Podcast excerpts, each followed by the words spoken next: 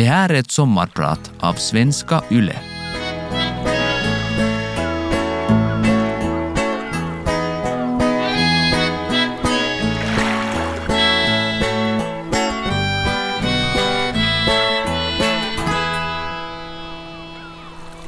Det är tidig höst.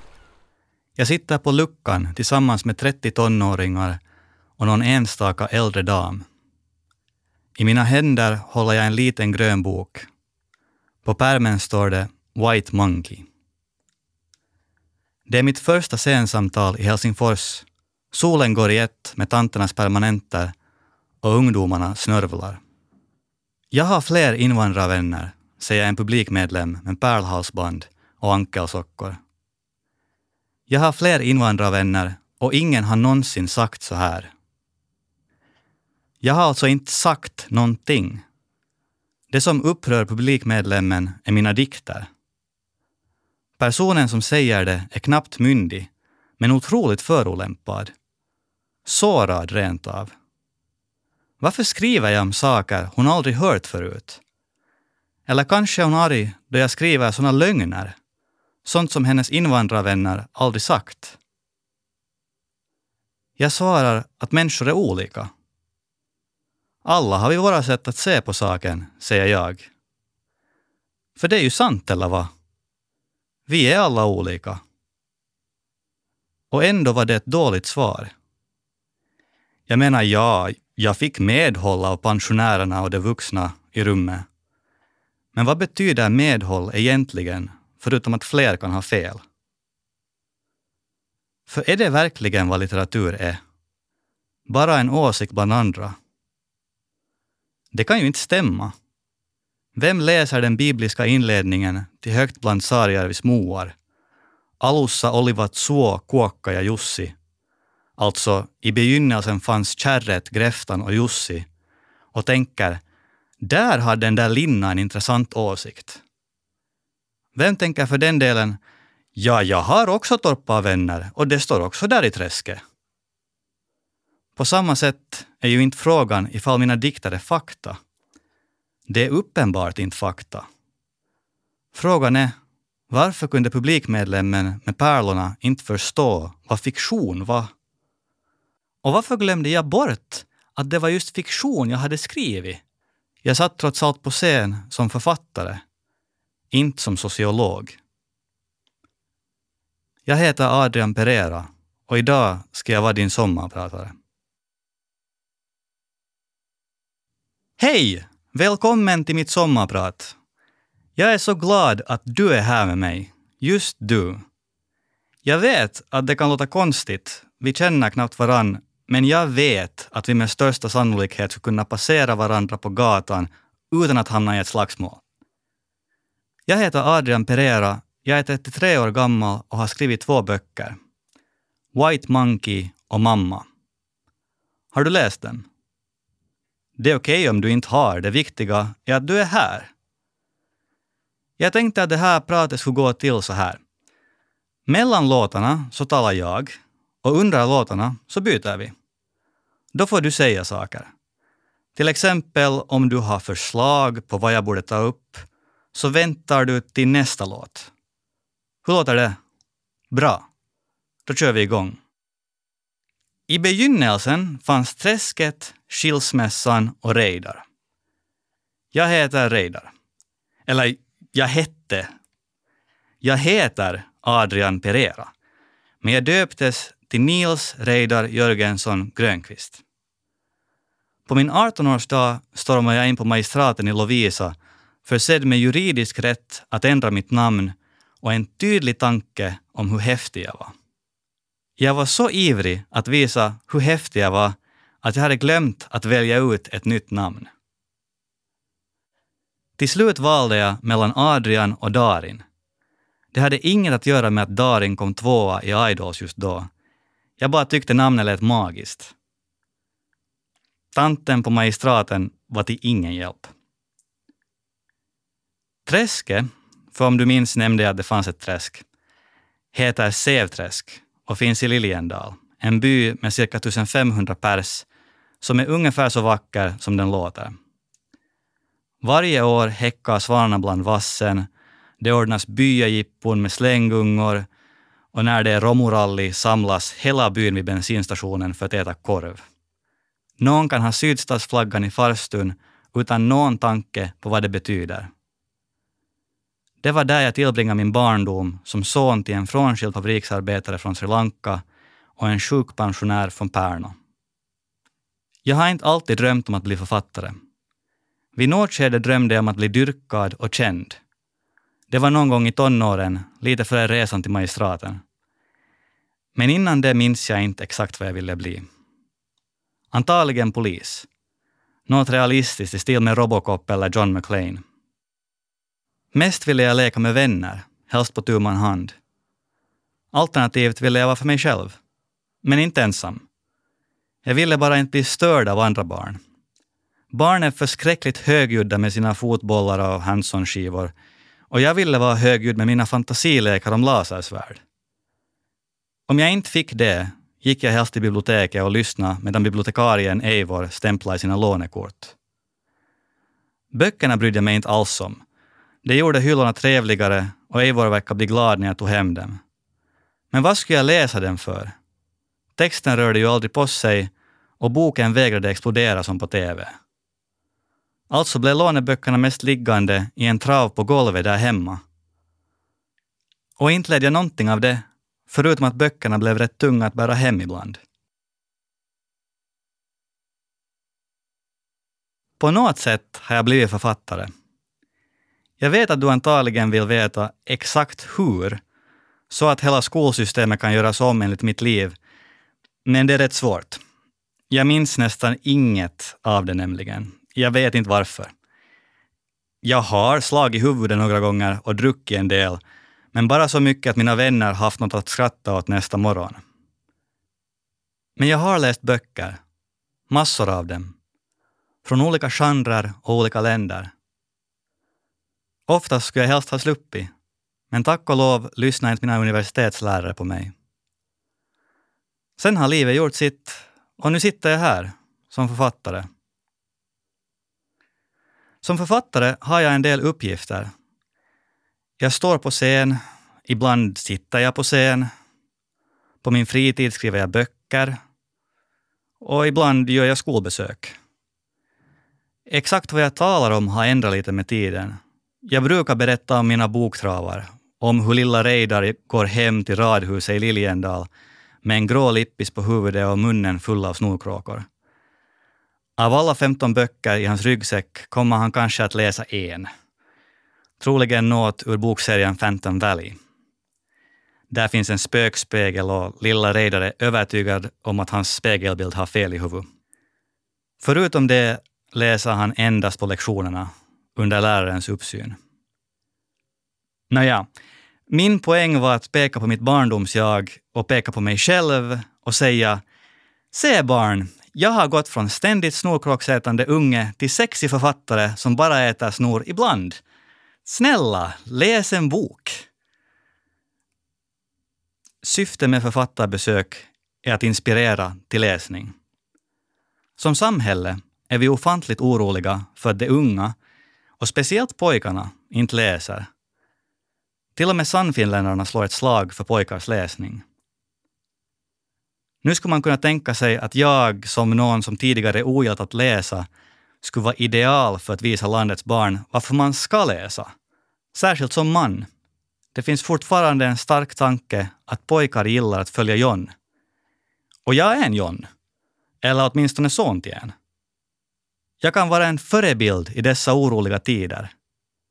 Och jag har dessutom invandrarkopplingar vilket är jättebra, för då blir barnen påminda om att invandrare också är sexiga människor som gett ut två böcker och snart ska publicera en tredje som heter Pappa. Ja, min andra bok hette Mamma och nu kommer Pappa. Helt klart har jag inte blivit mer påhittig fast jag bytt namn. Var blev vi? Jag nämnde hur jag var nyttig som förebild för barnen i samband med skolbesök. Jag är en man, läsare, brunare. Jag är en bra förebild på alla sätt och vis. jag skulle faktiskt kunna utnyttjas ännu mer med tanke på att jag själv har läs och skrivsvårigheter. Jag har alltså ingen diagnos, jag kunde kanske ha fått det i gymnasiet, men jag glömde bort provtillfället. Det var en fin dag och jag hade fullt upp med att sparka småsten på gräsmattan. När jag insåg vad som hade hänt sprang jag hela vägen upp till studiehandledaren. Hon var inte nöjd. På något plan tror jag att jag inte ville ha dispens. Jag ville inte få bättre vitsord, jag ville förtjäna dem. Jag gör inte särskilt mycket med en diagnos. Jag vet ju redan vilka utmaningar jag har då jag läser och skriver. Dessutom vet jag med mig själv att jag är stolt. Det hör till det som driver mig som författare. Jag är stolt och tjurskallig och jag vill inte specialbehandlas i min litteratur.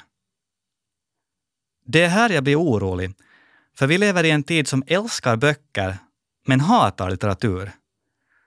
Hatar är kanske lite starkt. Vi har svårt att hantera litteratur. Ta till exempel mina skolbesök. Det ska locka till läsning, men oftast hinner eleverna inte läsa mina böcker. De har så mycket annat att studera. Om något så har de hunnit ta en titt på min diktsvit. Det är här jag blir orolig, för vi lever i en tid som älskar böcker, men hatar litteratur. Hatar är kanske lite starkt. Vi har svårt att hantera litteratur. Ta till exempel mina skolbesök. Det ska locka till läsning, men oftast hinner eleverna inte läsa mina böcker. De har så mycket annat att studera. Om något så har de hunnit ta en titt på min diktsvit. Det finns flera lärare i Finland som sagt att det är så fint med White Monkey, för den är så kort. Nu kanske det låter som att jag är förolämpad för att folk inte vill satsa samma mängd tid på mina böcker som jag. Det är jag inte. Det skulle vara lite skrämmande om du kom fram till mig och sa att du suttit tre veckor med det första stycket i mamma. Om du gjort det är jag glad förstås, jätteglad. Men du borde gå ut, träffa någon, ät en korv och se på när bilarna krockar med andra bilar utanför din lokala bensinstation. Ärligt talat tycker jag att författare är dåliga läsambassadörer för det är så självklara. Vad annat skulle författare förespråka? Analfabetism är inte bra med tanke på bokförsäljningen. Bokbål skulle kunna fungera, för då kan du alltid köpa en till bok när du eldat upp din förra. Men att en författare förespråkar att man ska läsa är ungefär lika förutsägbart som en politiker som förespråkar att man ska rösta. Bättre skulle det vara om det var andra vägen runt. Tänk om alla politiker som vurmar för pojkars läsning verkligen skulle visa vad litteratur betyder för dem. Nu menar jag inte som i en satsning. Jag vill inte se Svenska Yle presentera en litterär afton där regeringen läser Ilka Remes. Men tänk om vi skulle ha en plenisal där folkvalda politiker stolt skulle läsa upp sina favoritdikter för att de inte kan hålla sig. För att de vill dela gåshuden de fått när de hört Björneborgarnas marsch eller Silvia Plaths tunga på en taggtråd. För att dikten fått dem att se annorlunda på världen. Och för att de tycker att poesin är en viktig del av det politiska beslutsfattandet. Inte som ett måste, inte som att de skulle ta litteraturen som fiskleverolja, utan för att det verkligen är bildade människor med en levande relation till litteraturen. Förstår du? Förstår du vad jag menar med en levande relation till litteraturen? Kanske inte. Jag ska försöka förklara, men först musik. Vad tänker du på när jag säger fiktion? Jag tänker på en tysk man i en tysk bil i Ruhrområdet. Det är sommar, min fru Ylva och jag är på semester i Tyskland. Vi besöker Ylvas bekanta, Därav den tyska mannen i den tyska bilen.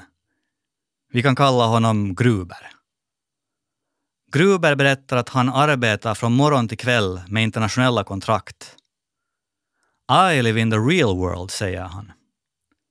Han har inte tid för fiktion. Sen säger han att han älskar Pink Floyd och frågar om jag hört Time. För dig som inte vet är Time en sju minuter lång låt om att åldras. Men inte som fakta. Den är inte en beskrivning av celler som dör eller något lika vetenskapligt avgränsat.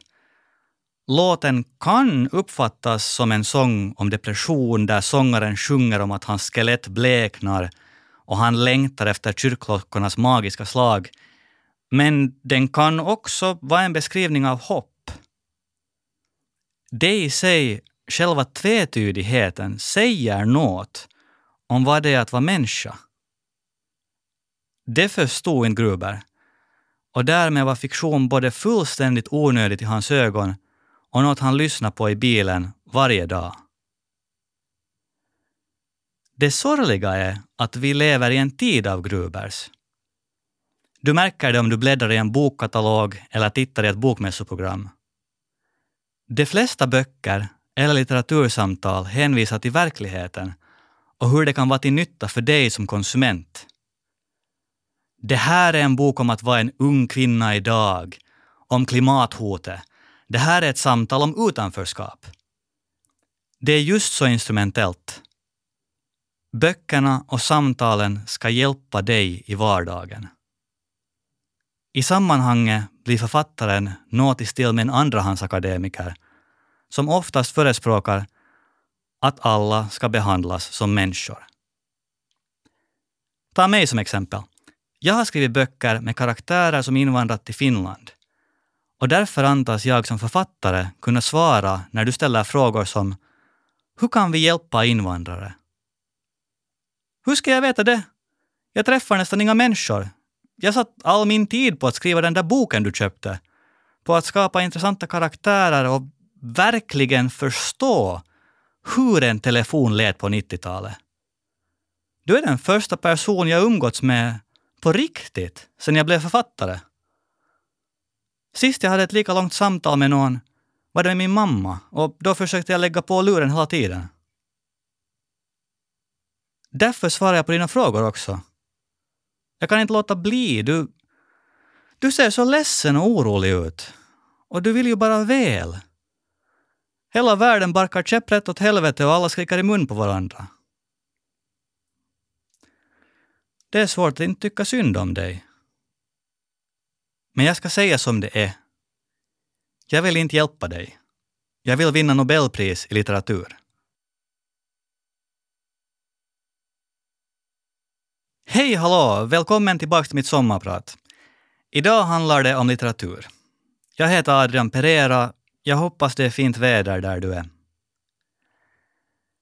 Jag sa precis att jag inte bryr mig om dig. Jag vill bli en stor författare. Hajar du till? Jag skulle ha hajat till. Som en ny författare 2017 skulle jag ha blivit arg och satt hela eftermiddagen på att tänka ut riktigt elaka saker att säga åt mig. Hur sådana som jag är orsaken att världen ser ut som den gör. Att vi måste göra något. Det finns så många som lider. Bara för att upprepa. Det enda jag sa var att jag inte vill hjälpa dig. Jag förstår om du mår dåligt eller är orolig för världsläget eller dina barn, men om du har problem borde du överväga terapi av något slag. Eller gå med i Röda Korset. Inte fråga författare. Charles Dickens skrev inte långa romaner för att han ville hjälpa dig, utan för att han fick betalt per ord. Det gör inte Lysande utsikter sämre. Den är fortfarande ett stort litterärt verk som berört massor av människor, fast den kan vara lite långrandig. Minns du att jag sa att jag inte visste exakt vad jag ville bli som barn? Jag talade om lasersvärd och Hansson-skivor och minns du? Nåja, hur som helst så kom jag på vad jag ville bli som liten. Jag ville bli världens bästa lögnhals. Jag minns exakt hur jag sitter vid pulpeten och önskar att jag var så bra på att ljuga att läraren trodde att jag var värd en tia i provet, trots att jag bara tecknat kaktusar. Jag vet, jag vet, jag sa att jag ville förtjäna mina vitsord, men tydligen är jag motsägelsefull. Dessutom var det här i lågstadiet. Hur många lågstadiebarn känner du som håller hårt vid sina principer? Nåja, jag ville ljuga. I något skede i högstadiet trodde jag att det här betydde att jag skulle bli jurist. Men så blev det inte. Något år senare råkade jag läsa en bok av Terry Pratchett som heter Svinvinternatt. Den stod i en hylla i Lovisa gymnasiums bibliotek bland tre andra fantasyböcker. Den fick mig att förstå vikten av lögner. Det är väl fara med fantasy. Mitt i allt en annan värld möjlig. Jag vill fortfarande bli världens bästa lögnhals. Skillnaden är att idag kallas mina lögner fiktion. Ungefär så säger jag till tonåringarna på mina skolbesök numera. Jag har skippat största delen av Lilla Reidar och talar mest om skönlitteratur. Och då brukar jag säga att fiktion är lögner som ballett är att promenera. De använder sig delvis av samma muskler, men slutresultatet blir helt olika. Det här är viktigt att komma ihåg. Annars blir fiktion bara ännu ett sätt att beskriva hur olika människor har det i världen. Det blir bara dokumentation av alltihop. Det är inte bara sorgligt, utan farligt.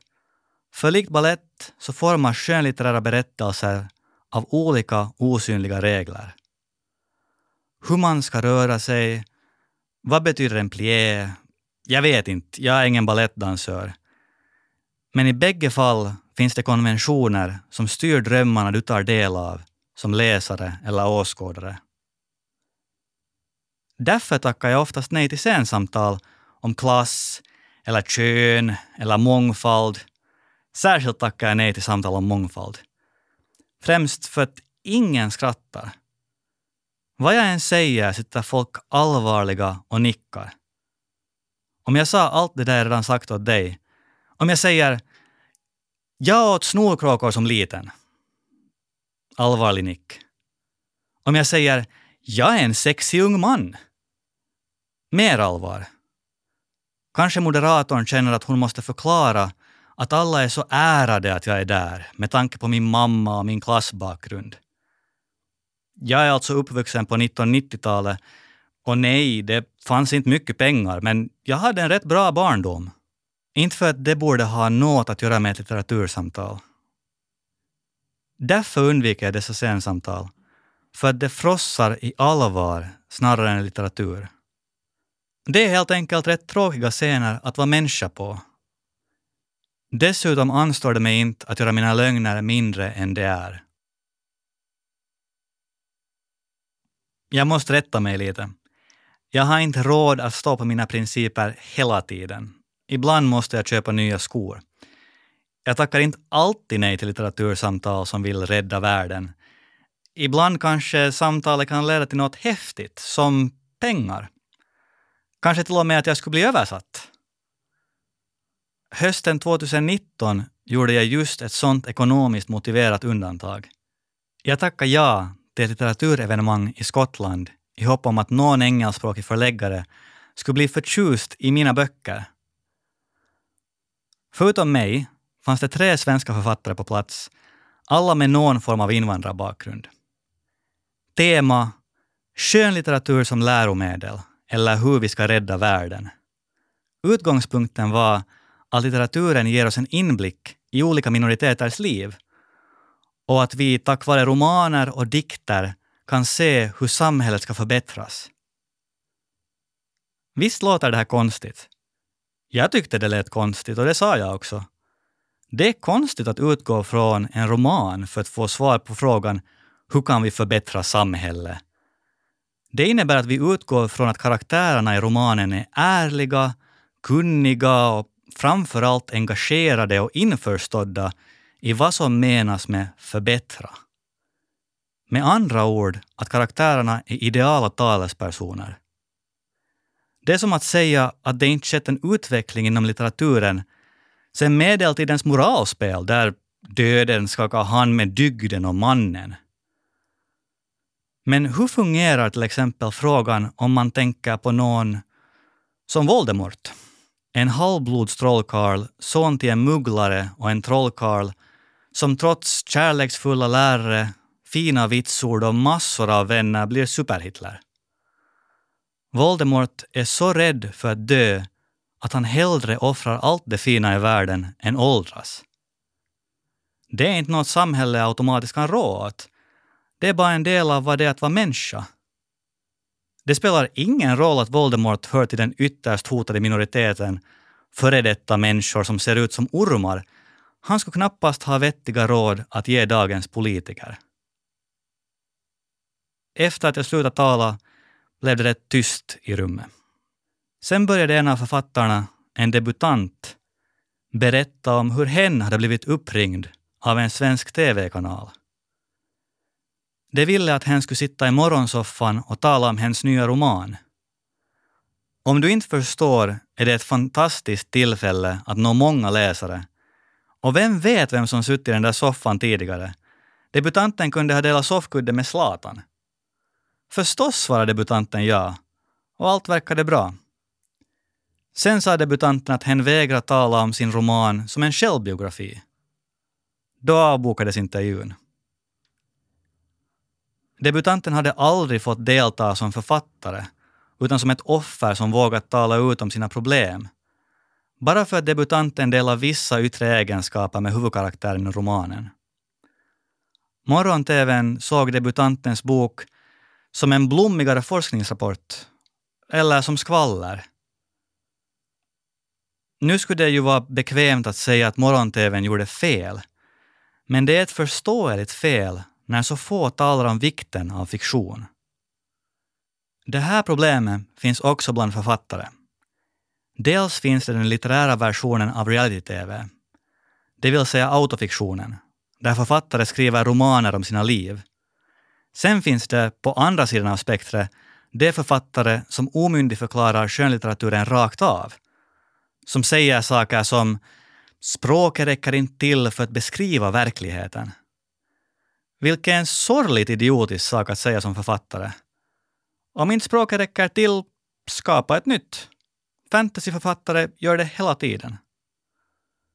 Att det är svårt att vaska fram skratt eller skönhet ur mänsklig aska betyder inte att det är omöjligt. Se bara på Kurt Vonnegut's Slakthus 5 eller Toni Morrisons Beloved. För dig som inte känner till romanerna i fråga så är den första en science fiction-roman om Förintelsen den andra är en spökroman om slaveriet. Sen finns det förstås författare som förminskar sina verk redan då det blir till, som vägrar låta karaktärerna leva. Då uppstår det böcker som mest är samhällsteorier förklädda i tunna lager av fiktion. Moderna allegorier med ett tydligt syfte att säga något entydigt om samhället. Och så finns det förstås författare som blir lästa så, vare sig de vill det eller inte. Vid min debut pendlar jag mellan de två sista kategorierna, vilket är synd, för min bok hade förtjänat bättre.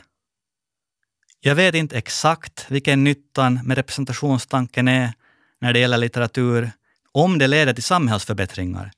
Men jag vet åtminstone att den tydligt visar vilka författare som får fantisera och vilka som förväntas tala sanning. Och innan du säger det, nej, det var inte bättre förr. Det var bara annorlunda. Tidigare under det här sommarpratet sa jag att vi lever i en tid som hatar litteratur men älskar att tala om hur viktigt det är med böcker.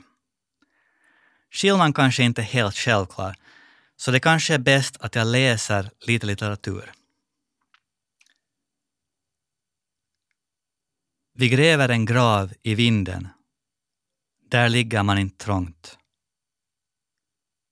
Så ter sig Förintelsen för Paul Celan i dikten Dödsfuga. En surrealistisk elegi från slutet av 1940-talet. Det är en otroligt vacker mening med både allitteration och ett slående bildspråk. Det finns till och med ett mörkt sinne för humor där. Det är helt vettigt att bygga en grav i vinden. Där ligger man inte trångt. Med det säger dödsfrågan något om fascism som skulle ta en faktabok otroligt många sidor att förklara. Nämligen att fascismen drivs av en sorts effektivitetstänkande. När liken hopar sig är det logiskt att sprida ut dem som aska snarare än att sluta döda. Det här skulle jag kalla litteratur. Inte för att Celan skriver om något aktuellt ämne eller för att han som jude vittnar om sina erfarenheter av koncentrationslägren. Han är inte en stor författare för att han säger att vi ska vara vänliga mot judarna. Celan är en stor författare för att han visar något mer än det som står på sidan. Jag är rätt säker på att om Celan levde idag så skulle han sitta på ett seminarium på Göteborgs bokmässa. Antagligen under rubriken Hatet smula sönder min familj eller Jag flydde mina föräldrars smärta. Förlagen skulle säkert hitta på något snaskigt. Det skulle kosta dig upp till 400 euro att se honom. Här blir det lite synd om Selan och i förlängningen om oss. För dödsfugans tematik och författarens bakgrund skulle göra det nästan omöjligt för honom att tala om sina dikter som fiktion. En del kanske till och med skulle tycka det var ofint att fråga Celan om versmått, om bildspråk. Varför surrealistiska bilder som svart mjölk och gravar i vinden istället för realism? Han skriver trots allt om förintelsen. Skulle inte det vara mer respektfullt att skriva om det som verkligen hände istället för att skapa ett monotont mässande av det hela? Och varför rimma hundar ryden med judar jorden? Och varför skriva på ett sätt där nazisterna visslar på sina hundar och sedan visslar på sina judar? Alltihop får förintelsen att framstå som galenskap. Och det var det ju. Fullständigt vardaglig galenskap. Jag tror inte att jag hade velat se honom. Jag har aldrig velat se författare inte ens det som skickligt kunna väga sina ord mot historien, som Celan. Men det beror mest på att jag inte förstår varför en författare skulle vara bättre talare än skribent. Vad spelar det ens för roll vad Celan säger? Han är trots allt bara författaren till sina verk. Om jag frågar dina föräldrar vem du är, skulle de kunna svara på det? Jag är säker på att de tror att de vet allt om dig, men du vet lika väl som jag att det inte stämmer. Kanske de skulle veta något om dig. Något pinsamt minne, men är det summan av vem du är? Risken är att dikten blir mindre än den är. Att den bara handlar om förintelsen. Men Dödsfuga innehåller så mycket mer. Till exempel Wagner ska finnas där bland Celans diktrader på något sätt. I sin fantasyroman Svinvinternatt skriver Terry Pratchett att människor behöver fantasi, men inte som något nyttigt. Människor behöver inte fantasi för att stå ut med livet, som en medicin eller ett bedövningsmedel. Människor behöver fantasi för att vara människor. Vi behöver tandfeer och julgubben. Vi behöver lära oss att tro på små lögner för att kunna tro på det stora. På rättvisa, nåd, ansvar. Rättvisa är inget grundämne. Det finns ingen förlåtelsens molekyl. Men ändå beter vi oss som om det fanns en idealordning i världen. Någon rätt i universum som inte fötts ur vår fantasi. Och vi måste tro så för att fortsätta vara människor. Annars finns det ingen poäng. Så skriver alltså Pratchett. Människor behöver fantasi för att vara människor. Så varför är alla så besatta av verkligheten? Jag heter Adrian Pereira och jag har varit din sommarpratare idag.